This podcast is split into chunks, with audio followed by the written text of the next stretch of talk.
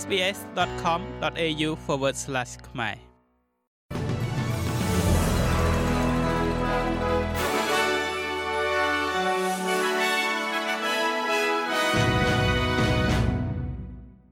សូមស្វាគមន៍មកកាន់នេតិព័ត៌មានខ្លីៗរបស់ SBS ខ្មែរសម្រាប់ថ្ងៃច័ន្ទទី18ខែកញ្ញាឆ្នាំ2023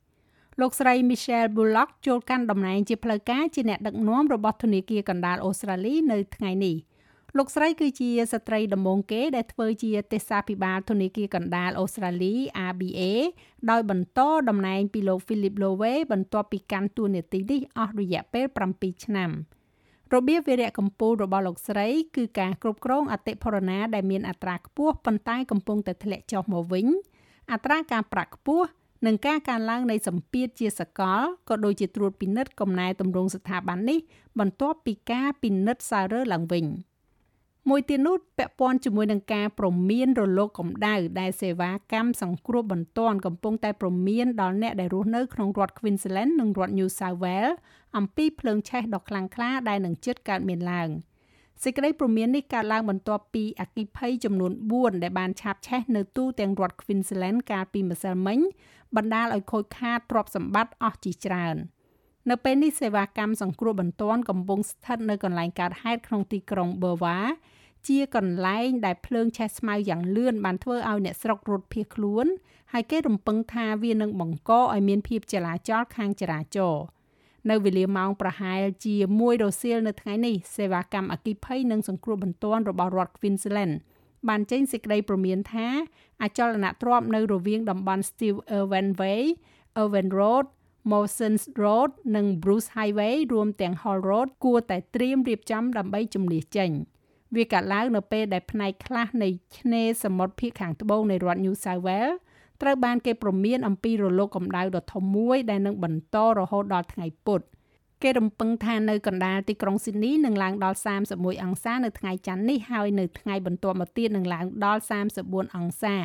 ខណៈដែលតំបន់ជាយក្រុងភាគខាងលិចអាចនឹងឡើងដល់36អង្សាស្នងការសម្រាប់សេវាកម្មអគិភ័យជនបទនៃរដ្ឋ New South Wales ប្រមានថាខ្លួននឹងកាន់តែមានការព្រួយបារម្ភនៅក្នុងរយៈពេល2-3ថ្ងៃខាងមុខនេះ បន្តមកទៀតនេះគឺក្រុមជនភៀសខ្លួន12000 Captive Soul បានចាប់ផ្ដើមការតវ៉ារយៈពេលមួយសប្តាហ៍នៅខាងក្រៅការិយាល័យរបស់រដ្ឋមន្ត្រីក្រសួងមហាផ្ទៃលោកស្រី Claire O'Neil នៅព្រឹកនេះការតវ៉ានេះក្រុងនឹងដំណើរការពីម៉ោង9ព្រឹកដល់ម៉ោង5ល្ងាចរៀងរាល់ថ្ងៃធ្វើការដើម្បីទាមទារឲ្យពេលវេលាដំណើរការទឹកតការជួនភៀសខ្លួនដំណើរការលឿនជាងមុន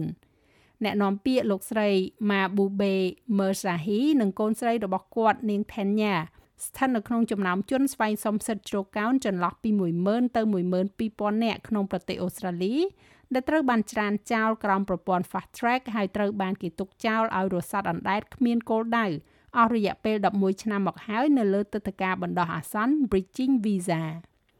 ចុងក្រោយនេះគឺពាក់ព័ន្ធជាមួយនឹងយុទ្ធនាការ The Voice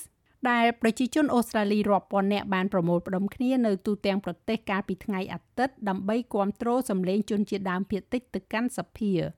ក្រុមអ្នកគាំទ្របានដើរដង្ហែតាមរដ្ឋធានីបណ្ដារដ្ឋនីមួយៗនិងទីប្រជុំជនក្នុងតំបន់ជនបទនៅមុនការបោះឆ្នោតប្រជាមតិនាថ្ងៃទី14ខែតុលា។យុទ្ធនាការ Yes បានបង្កើនវត្តមានរបស់ខ្លួនបន្ទាប់ពីការស្ទង់មតិមួយបានបង្ហាញកាលពីសប្តាហ៍មុន ថាស្ថាប័នប្រឹក្សាដែលមានចែងក្នុងរដ្ឋធម្មនុញ្ញនេះទំនងជាត្រូវបានច្រានចោលដែលជាការស្ទង់មតិលើកទី5ជាប់ជាប់គ្នានៅក្នុងខែនេះរឿងនេះកើតឡើងខណៈដែលអ្នកធ្វើយុទ្ធនាការ No ដ៏លេចធ្លោត្រូវបានបែកខ្ញែកថាតើពួកគេនឹងស្វែងរកការបន្តការចរចាសិទ្ធិសញ្ញាឬក៏យ៉ាងណាប្រសិនបើសម្លេងទៅកាន់សភានេះត្រូវបានបរាជ័យ។អ្នកធ្វើយុទ្ធនាការ No ម្នាក់គឺលោក Warren Mundin បាននិយាយថាការបោះឆ្នោត No ដោយជោគជ័យនឹងធ្វើឲ្យសន្ធិសញ្ញារវាងជនជាតិដើមអូស្ត្រាលីនិងរដ្ឋាភិបាលថ្នាក់រដ្ឋនិងសហព័ន្ធទំនងជាត្រូវបានចរចាគ្នាអ្នកធ្វើយុទ្ធនាការ No ម្នាក់ទៀតនឹងជាសមាជិកសភាគណៈបក National គឺលោក Barnaby Joyce និយាយថាអ្នកគ្រប់គ្រង The Voice មិនយល់ថាការផ្លាស់ប្តូររដ្ឋធម្មនុញ្ញនឹងមានសារៈសំខាន់ខ្លាំងកម្រិតណានោះទេ។ ហើយលោកអ្នកអាចស្វែងរកព័ត៌មានដ៏ទូលំទូលាយអំពីការធ្វើប្រជាមតិដោយចូលទៅកាន់ SBS Voice Referendum Portal តាមរយៈ www.sbs.com.au/